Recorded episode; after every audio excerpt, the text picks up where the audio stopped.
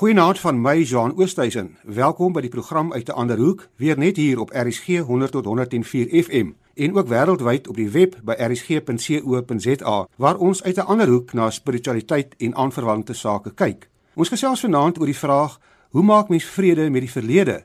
Veral wanneer daar dinge in jou verlede gebeur het wat ook 'n invloed het op jou latere lewe en jou spiritualiteit. En om vanaand hieroor saam te gesels en hulle verhale met ons te deel, is Dr Wilhelm Verwoerd, politieke filosoof en navorser by die Beyers Nodee Sentrum aan die Universiteit Stellenbosch wat help om voormalige vyande te versoen en hy is ook kleinseun van Dr Hendrik Verwoerd, een van die apartheidsargitekte. En my ander gas saam met my hier in die ateljee is die musikant en komponis Charles Johan Lingenvelder wie se lewe in die weermag grootliks uitgebeeld word in die bekroonde rolprent Canary. Goeienaand Wilhelm, baie welkom aan jou. Goeienaand en goeienaand aan die luisteraars. En goeienaand Charles Johan, dankie dat jy ingekom het. Plesier, goeienaand. Willem, kom ek begin by jou. In jou boek Bloedbande wat vroeër vanjaar verskyn het, skryf jy breedvoerig oor jou familieband as kleinseun van dokter Verwoerd, maar ook wat jy noem jou ontwoording. Wat het jou laat besluit om hierdie diep persoonlike verhaal met die wêreld te deel? Uh dankie vir die vraag, John. Ek dink vir my is dit 'n uh, ervaring wat ek nou in baie kontekste gehad het, ook in Ierland en Noord-Ierland en Israel-Palestina. Dit 'n goeie plek om te begin om met die verlede vrede te maak om nou daai taal te gebruik. Is om eerlik te wees oor mense eie lewensverhaal om eerlik te wees ook oor die donker kante en die dele wat moeilik is om dikwels in die in die openbaar te praat, maar dat 'n mens ruimtes moet kry waar jy openhartig kan kyk na hoe my lewe gevorm is, hoe jou lewe gevorm is deur ander mense, deur ervarings en dat mens maniere moet vind om daai waarheid in die oë te kyk. Uh, en ek het op die ouend besluit om ook daai reis met soveel as moontlik mense te deel want ek dink dit is ook iets wat baie van ons sukkel veral mense wat nou miskien bietjie ouer is in hulle 40s en 50s wat 'n uh, sterk ervaring van apartheid gehad het en wat nou probeer vrede maak met wat dit beteken om vandag as Christen as uh, Suid-Afrikaner as mens te leef en verbind te wees tot versoening in Suid-Afrika. Charles Johan, voordat die rolprent Canary die silwerdoek getref het, was jou verhaal wat ook sy wortels in die Christelik nasionale apartheidsverlede gehad het, minder bekend. Wat het jou laat besluit om jou verhaal op die manier met die wêreld te deel? Want 'n mens stel jou geweldig bloot as 'n mens so iets doen nie waar nie.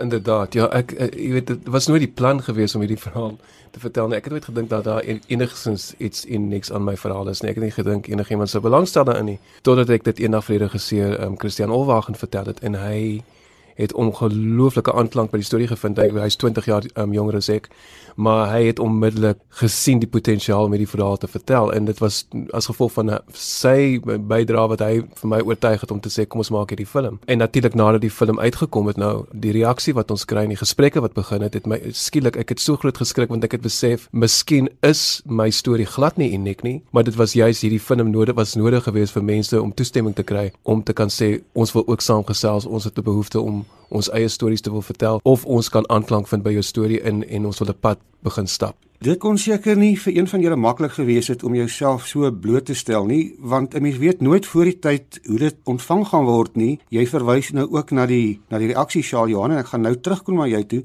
Maar Willem, ek weet dit was ook nie vir jou ouers maklik toe jy besluit het om 'n ander koers in te slaan nie. Watter ja. wat watter impak het dit op jou familielewe en jou vriendekring gehad toe jy uit die laar weggebreek het? Want ek dink baie aan daai deel in is dit in Lukas waar waar Jesus sê maar jy kan my nie volg as jy nie bereid is om op jou familie.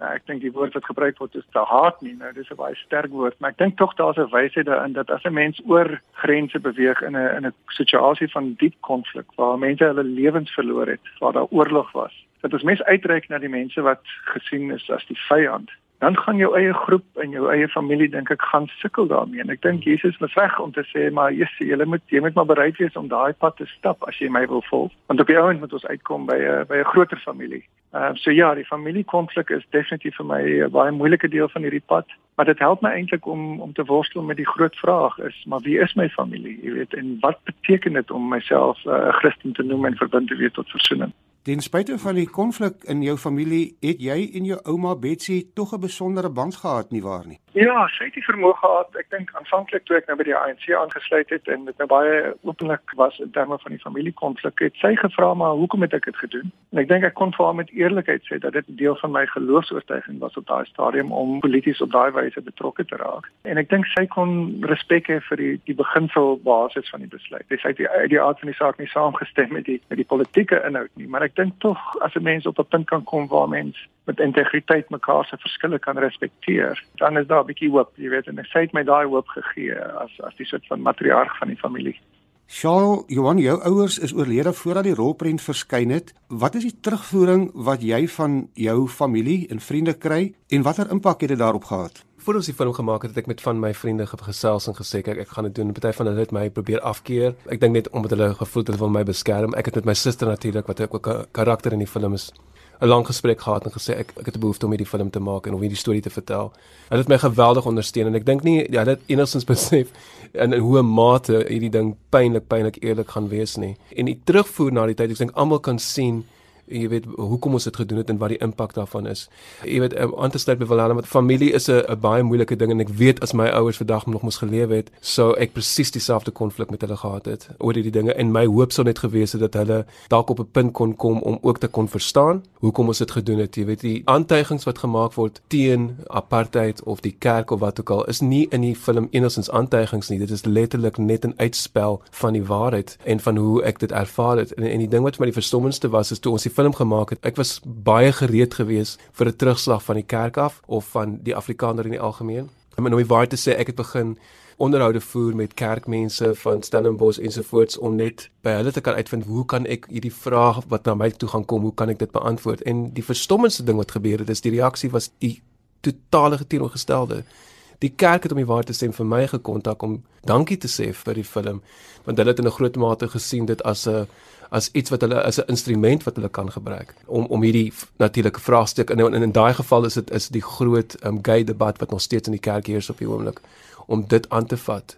Jy weet ek het ook aan die verlede af baie van mense gesê ek verstaan die Afrikaner se verwarring, die Afrikaner se se weerstand wat hy bied. Dit kom van 'n plek af van amper dis amper iets wat in jou DNA sit, hierdie ding van hoe jy groot geword het en wat jy ervaar het en natuurlik die geweldige skok van verandering wat plaasgevind het en nog steeds plaasvind. So wat gebeur is mense raak bang en dan wat hulle doen is hulle sluit af en hulle sluit toe. En ek dit het met my pa gebeur net voor hy oorlede is. Ek het gesien hoe hy homself van die wêreld af afgesluit want hy kon nie hy kon nie die verandering maak nie. En ek dink dit is een van die grootste ding wat ons nou in die oog staan is hoe gaan ons in die toekoms in om met hierdie verandering in gedagte, hoe hoe kan ons onsself vereenselwig met verandering en deel wees van dit. Willem, nadat jy jou boek geskryf het, het jy enige reaksie van jou naby familie gekry en wat was hulle reaksie op jou verhaal? Ek dink die rede hoekom ek so ook hou van Charles Johan se film en ek dink die tema wat dit oproep is natuurlik die die opofferings wat mense gemaak het in die stryd teen wie gesien is as die vyand en die feit dat mense dood is in die proses. En in my familie natuurlik my oupa se die sluipwoord op my oupa het 'n betekenis gekry in die familie van dis amper soos 'n heilige band van bloed wat ons bind en hoe durf jy nou kritiek lewer teen daai stelsel want dan kritiseer jy eintlik mense wie hulle lewens gegee het. En ek dink wat Kenari doen is om om daai selfde vraag op te roep in terme van die grensoorlog die sogenaamde grensoorlog en dat dit veral vir Afrikaanse mense dink ek ruimte gee om om te sê maar daar is hierdie bande wat ons bind met ons kinders, met ons familie wat deelgeneem het aan daai oorlog. Maar hoe maak ons sin van daai bande in die konteks waar ons onsself ook nou probeer versoen met wat in Suid-Afrika vandag aan die gang is? En ek dink eh, daar is verwarring, daar is 'n gevoel van verraad miskien selfs wat by mense opkom. Ek dink dis waar mense spiritualiteit, eh, 'n uh, gesonde spiritualiteit eintlik jou kan help, want dit is maar die enigste manier hoe ek op hierdie pad kan bly is om te sê maar goed, my diepste wortel is my geloofsfamilie uh, en dat ons almal kinders is van dieselfde ouer en dat daar nie daai grense is waarmee ek groot geword het nie. En dit gee soort van 'n penwortel wat ek dan kan werk met hierdie gevoelens van verraad en hierdie gevoel van ek het nou hierdie heilige bande half verbreek met die mense wat hulle lewens opgeoffer het. En wat ek werklik nie glo dis die geval nie, maar ek verstaan dat dit is hoe mense voel en ek is so bly oor hierdie film. Ek is bly oor ander mense wat ook skryf en dat ons moet praat oor die goed en dat ons in Afrikaans oor die goed moet praat en uit ons hart uit ook moet praat oor hierdie hierdie groot uitdaging om sin te maak van ons eie verlede. Sjoe Johan, jy het groot geword op 'n platlandse dorp, Verliersdorp, en dit is 'n omgewing waar daar nie oor hierdie goed openlik gepraat word waarvan Willem nou praat nie, nie waar nie. Glad nie. Jy weet na die film uitgekom het, was daar wel bietjie teenkanting van die dorp af, baie uitgesproke persone wat gevoel het dat ek die dorp dalk 'n onguns aangedoen het en ek het dit dit het ek wel verwag. Ek het ek ek verstaan daardie ding van 'n wêreld wat baie klein is. 'n Mens wat vasgevall is in 'n wêreld en nooit die geleentheid kry om die wêreld, die groot wêreld daar buite te kan ervaar nie. Ek dink hy met ook in sy boek en hy praat hy van hierdie konsep van om die geleentheid te kan kry om met 'n ander skreeuige of iemand wat anders as jy is. In my geval natuurlik gaan dit baie oor gay wees om met so 'n persoon gesprek te kan hê op 'n vlak wat gaan meer as net iemand wat iemand bedien om 'n mens 'n menslike gesprek te kan hê met iemand. Die die verskil wat dit in iemand se kop maak is ongelooflik groot. Die verskywing wat daar plaasvind, maar dit vat iets van jou af om by daai plek te kom. So ek dink, jy weet baie mense verlier stop. Ek was verlede naweek daar in 'n ou tannie, sy's 92 het gesien ek ry daar en toe sy na my toe gekom en vir my so 'n drukkie kom gee en gesê ons is baie trots op jou. So jy weet as jy dit hoor van 'n tannie van daai ouderdom en jy weet wat dit van haar vat om aanklank te kan vind by die storie. Jy weet dan dan dink ek ons is op die regte pad en daar's baie hoop vir ons. Wilhelm, wat was vir jou die moeilikste deel om jou vrede te maak as kleinseun van dokter Verwoerd? Hoe versoen 'n mens die menslike oupa met die gehate onderdrukker wat in die stories van jou swart bure en vriende na vore kom want aan die een kant het jy die oupa waarvan daar 'n foto in jou boek is wat jou in sy arms vashou met 'n bottel melk en aan die ander kant is daar die apartheids argitek. Dan ek moes op die ouend maar aanvaar dat ek nie eintlik daai twee uiteenlopende perspektiewe met mekaar kan versoen nie. Daar's iets van 'n onverzoenbaarheid en miskien iets van vrede maak met die verlede om op vrede te maak met daar is dinge wat onverzoenbaar is. En daai daai spanning tussen kom ons maar sê die bloed in my are en die bloed op my oupa se hande en die bloed op my hande as gevolg van ons verantwoordelikheid vir wat ons aan medemense gedoen het, ook sistematies.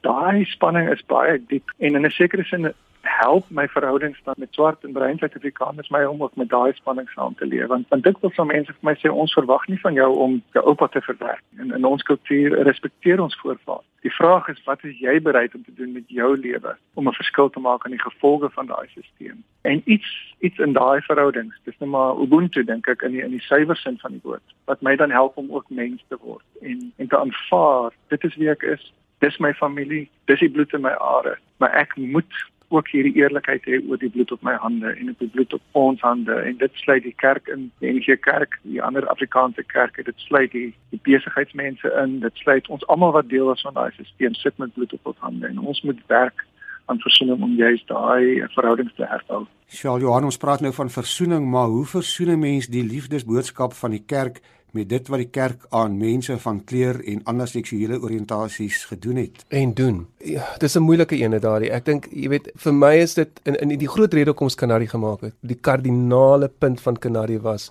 wat sou dit gewees hoe sou dit vir ons gewees het as 17-jariges om 'n Flixus Kanarie te kon gesien het. As ons net daai eerlike slice of life kon gesien het. En ek weet vir my en vir en vir Christian ook beide ons gevoel dit sal dit sal 'n geweldige impak op ons lewens gehad. Dit mag nie dalk iets verander het nie, maar dit sal vir jou daar's daar's iets omtrent die erkenning en herkenning van jouself in iets. En ek dink dit is wat meeste mense by aanklank vind. Ek dink die groot ding op die einde van die dag met die kerk en versoening is vir 'n nuwe generasie, vir 'n jong generasie wat nou uitkom en wat nie daardie jare van apartheid het. Hulle het nie daai ervaring van apartheid het, maar dit wel ouers wat daar het. So hulle sien net die gevolge daarvan op die ouers. Ek dink baie jong mense het na my toe al gekom en gesê, "Nou verstaan ek my pa vir die eerste keer," byvoorbeeld nadat hulle kanarie gesien het. Maar ek dink dit gaan oor 'n keuse wat hulle elke dag moet kan maak om te kan sê ek wil kerk toe gaan as 'n bruin persoon, as 'n swart persoon, as 'n persoon wat homoseksueel is. En die kerk moet my kan ontvang as daardie persoon sonder dat ek hoef skuldig te voel oor wie ek is en wat ek is. En ek dink dit is die groot ding vir my op die oomblik, is dat ek voel dat as mense daai opsie in die lewe wil hê, moet hulle dit toegestaan word. As jy laat ingeskakel het, jy luister na die program uit 'n ander hoek op RSG 100 tot 104 FM. My twee gaste is Dr Wilhelm Verwoerd en Charles Johan Lingenvelder. En ons gesels vanaand oor die vraag: Hoe maak mens vrede met die verlede en daardie dinge in jou verlede waarin 'n mens niks kan doen nie? Wilhelm en Charles Johan, albei van julle se verhale getuig van die noue verbintenis wat daar tussen apartheid en die kerk was en jy het nou nou daarna verwys so vlugtig. Watter invloed het dit op julle verhouding gehad met die kerk waarin jy groot geword het? Wilhelm, ek weet jy verwys 'n hele paar keer na die kerk in jou boek. Kom ek vra eers vir jou, wanneer het jou ontnigtering met die kerk begin en hoe het jou pad van daar af geloop? Ja, dit is nou 'n lang storie, maar ek sal dit kort maak. Ek dink dit is interessant dat my ontnigtering eintlik plaasgevind in die tyd wat die film wat uh, Canary gebaseer is, die middel 80er jare. En 'n sekere sin help daai film ook vir my om te onthou eintlik hoe daai tyd gefunksioneer het en eintlik hoe geslote en hoe beperk my wêreld ook was en ek was nou gelukkig om uh, in die buiteland te kon gaan studeer in Nederland en in Engeland en daar is ek blootgestel aan 'n heeltemal ander perspektief op Suid-Afrika. Ek kon swart en bruin Suid-Afrikaners ontmoet wat vir my kon letterlik uh, kom ons maar sê blootgestel het, gewys het wat die gevolge van die stelsel was en van hulle was ook Christene. En dit was my grootste skok. En ek moet ook sê tydens daai tyd as ek met my eie homofobie gekonfronteer en dit het eintlik al saamgekom en my op 'n punt gebring waar ek besef het maar wat wat beteken dit om te sê ons is lief vir ons naaste, ons is lief vir ons medemens en dit is wat ons doen aan mense met 'n ander seksuele oriëntasie of mense met 'n ander politieke oortuiging. En dit het my laat fundamenteel vra vra oor wat beteken dit om 'n Christen te wees. En op daardie stadium was ek nou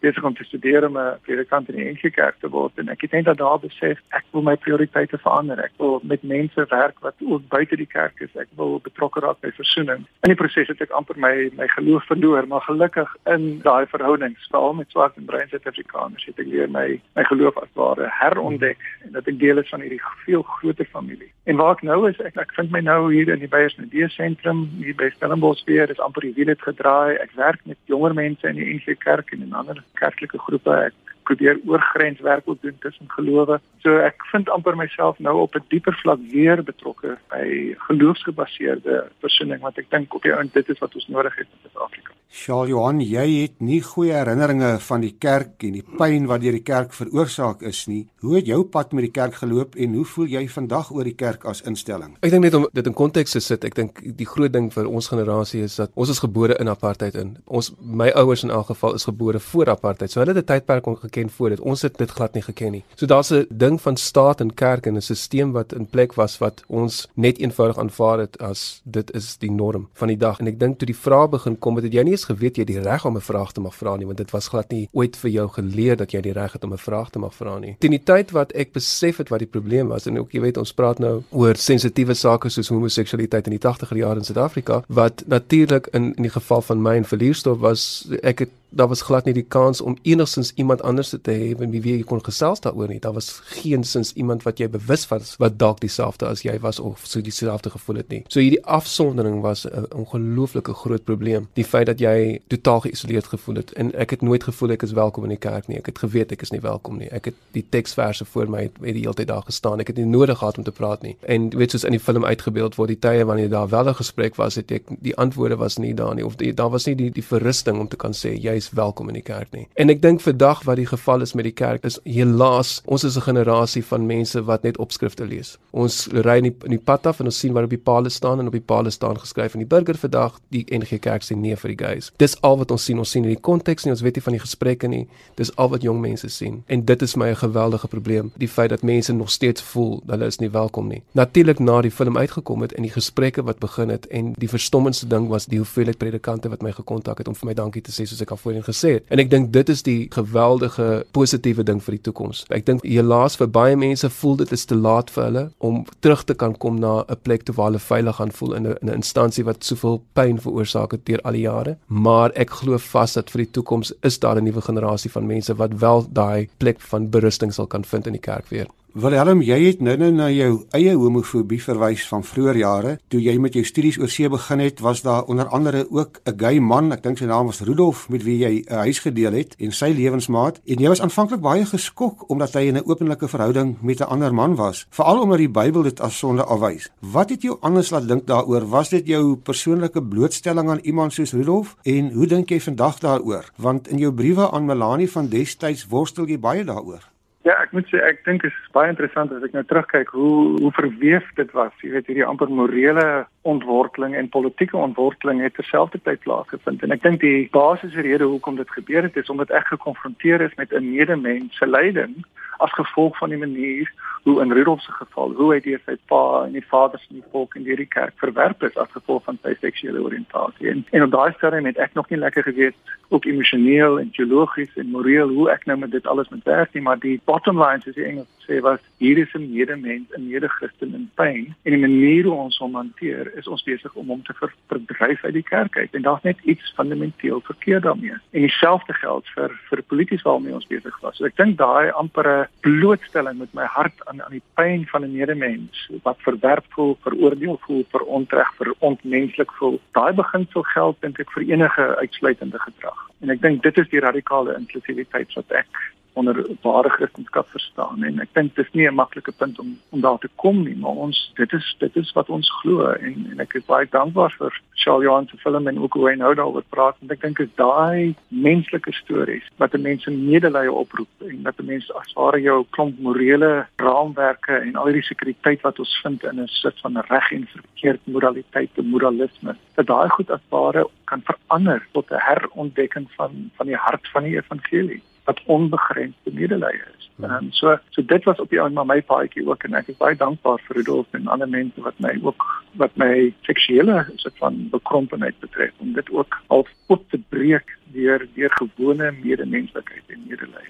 As jy mense so terugkyk na die era waar uit ons geslag dan kom, dan is daar baie dinge wat 'n mens aan dink. As jy net terugdink aan daai tyd, Shaljohan, kom ek vra eers vir jou, watter emosie kom eerste op? Is dit 'n emosie van nostalgie of is dit eerder 'n emosie van woede of is dit beide?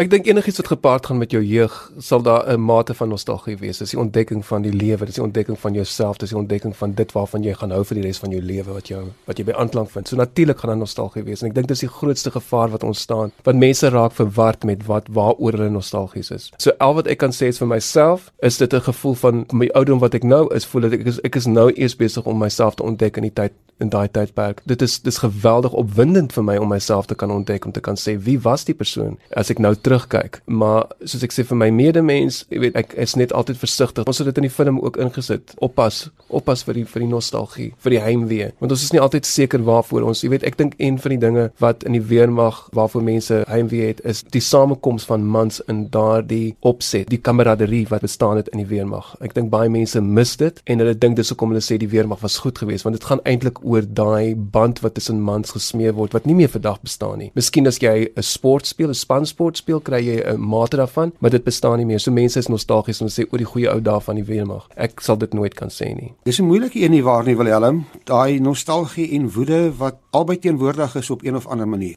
sluit aan by wat wat Charles Johan gesê het, maar ek dink die gevoel wat vir my al meer uh, interesseer en wat ek dikwels meer werk is skaamte. Dit skuld is natuurlik deel daarvan, maar hierdie gevoel van diep diep amper in jou binneste, ek was deel van 'n proses, ek het deelgeneem aan 'n stelsel wat medemense verontmenslik het, sistematies en in die naam van ons Christelike geloof. So dit roep amper 'n diep vraag op oor ek praat net die beeld van wat dit op jou hande, maar dis amper hierdie verwondenheid in jou siel. Daar's 'n daar's 'n daar's 'n stuk stikkendheid daar wat 'n mens amper moet in die oë kyk. Ek bedoel die Amerikaners praat net van morele verwondenheid om te praat oor uh, soldate wat nou terugkom van sê maar Vietnam of van van ander oorloë. Jy weet hoe moeilik dit is om sin te maak van die goed. En mense verneig om om met nostalgie, met soort van die onthou van die mooi dinge om half te probeer wegkom van daai donker emosies. En vir my is dit eintlik dinge waaroor ons moet moet praat en dit moet oop oop praat en ek moet sê maar hoe werk ons eerlik met daai morele gevoelens dat dit ons nie op die ouend oorweldig nie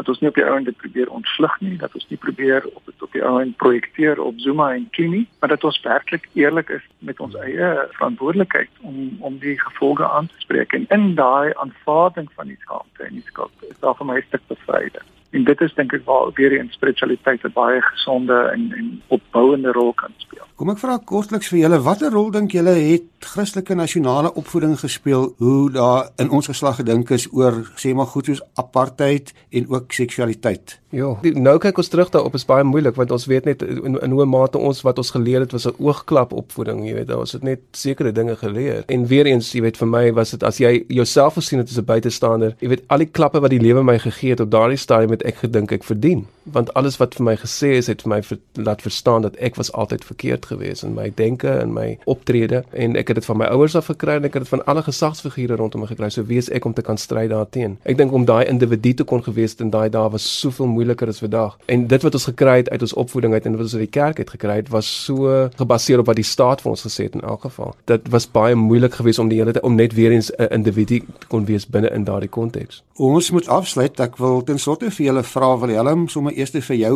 wat beteken vergifnis vir jou? Kan daar vergifnis wees sonder regstellende aksie en hoe vergewe mens hierdie onregte van die verlede?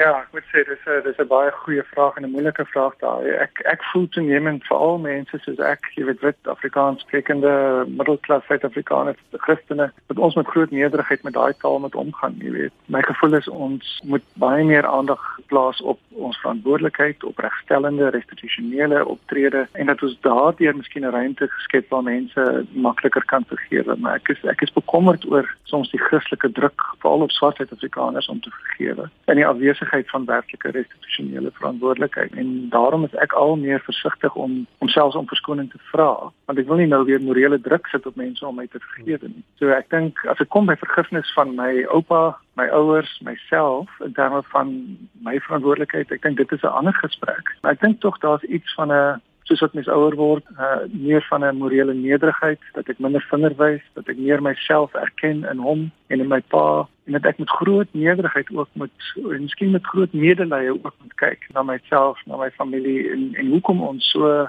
vasgevang was in daai groepsblindheid, daai groepsgeborgenheid. Uh, en dat mens nie op die ouen met 'n tipe van 'n moralistiese veroordeling moet terugkyk ook na mense eie mens en jouself nie. Want dit is meer te maak met medelee. Ek sou amper weer eens net die taal van vergifnis wil gebruik. Shaal Johan, 'n laaste kort woord van jou kant af. Kan 'n mens werklik vrede maak met die verlede en vergewe of leef 'n mens maar daarmee saam? Ek dink die manier waarop ek daarmee omgaan is dat ek probeer kyk na die toekoms en ek probeer kyk na wat 'n mens kan doen met dit wat jy weet, dit wat jy geleef het. Al daai bagasie wat jy met jou saamdra, hoe kan jy dit verwerk om dit 'n positiewe ding te maak om ander mense se lewens miskien te kan verbeter en om 'n beter toekoms vir mense te kan skep. Ek dink dit is vir my die belangrikste ding is ons moet na die toekoms kyk en moet sien like hoe dra ons almal en hoe gaan ons hierdie uh, hierdie pad saam afstap in die toekoms in waar ons dit gaan probeer beter maak elke dag. Ons tyd is ongelukkig verstreke en ek moet groet baie dankie aan my gaste, Dr Wilhelm Verwoerd, politieke filosoof en navorser by die Beyers Nudee Sentrum aan die Universiteit Stellenbosch en die musikant en komponis Charles Johan Lingenvelder op wie se lewe in die weermag die rolprent Kanarie gegrond is. Baie dankie vir die eerlike en oop manier waarmee julle julle verhale en ervarings vanaand met die luisteraars gedeel het. As jy wil kommentaar lewer, kan jy vir my 'n SMS stuur na 45770 teen R1.50 per SMS of besoek ons Facebookblad uit 'n ander hoek waar ek ook van die SMS kommentaare sal plaas na afloop van die gesprek. Vanaand se program, as ook al die vorige programme, kan ook as 'n potgooi op RSG se webwerf afgelaai word. My e-posadres is jean.oosthuizen@gmail.com en my Twitter-handvatsel is jeanoost. Baie dankie dat jy saamgeluister het. Van my, Jean Oosthuizen, goeienaand en totsiens tot volgende week, weer dieselfde tyd net hier op RSG. Geniet die res van jou Sondag aand. Goeienaand.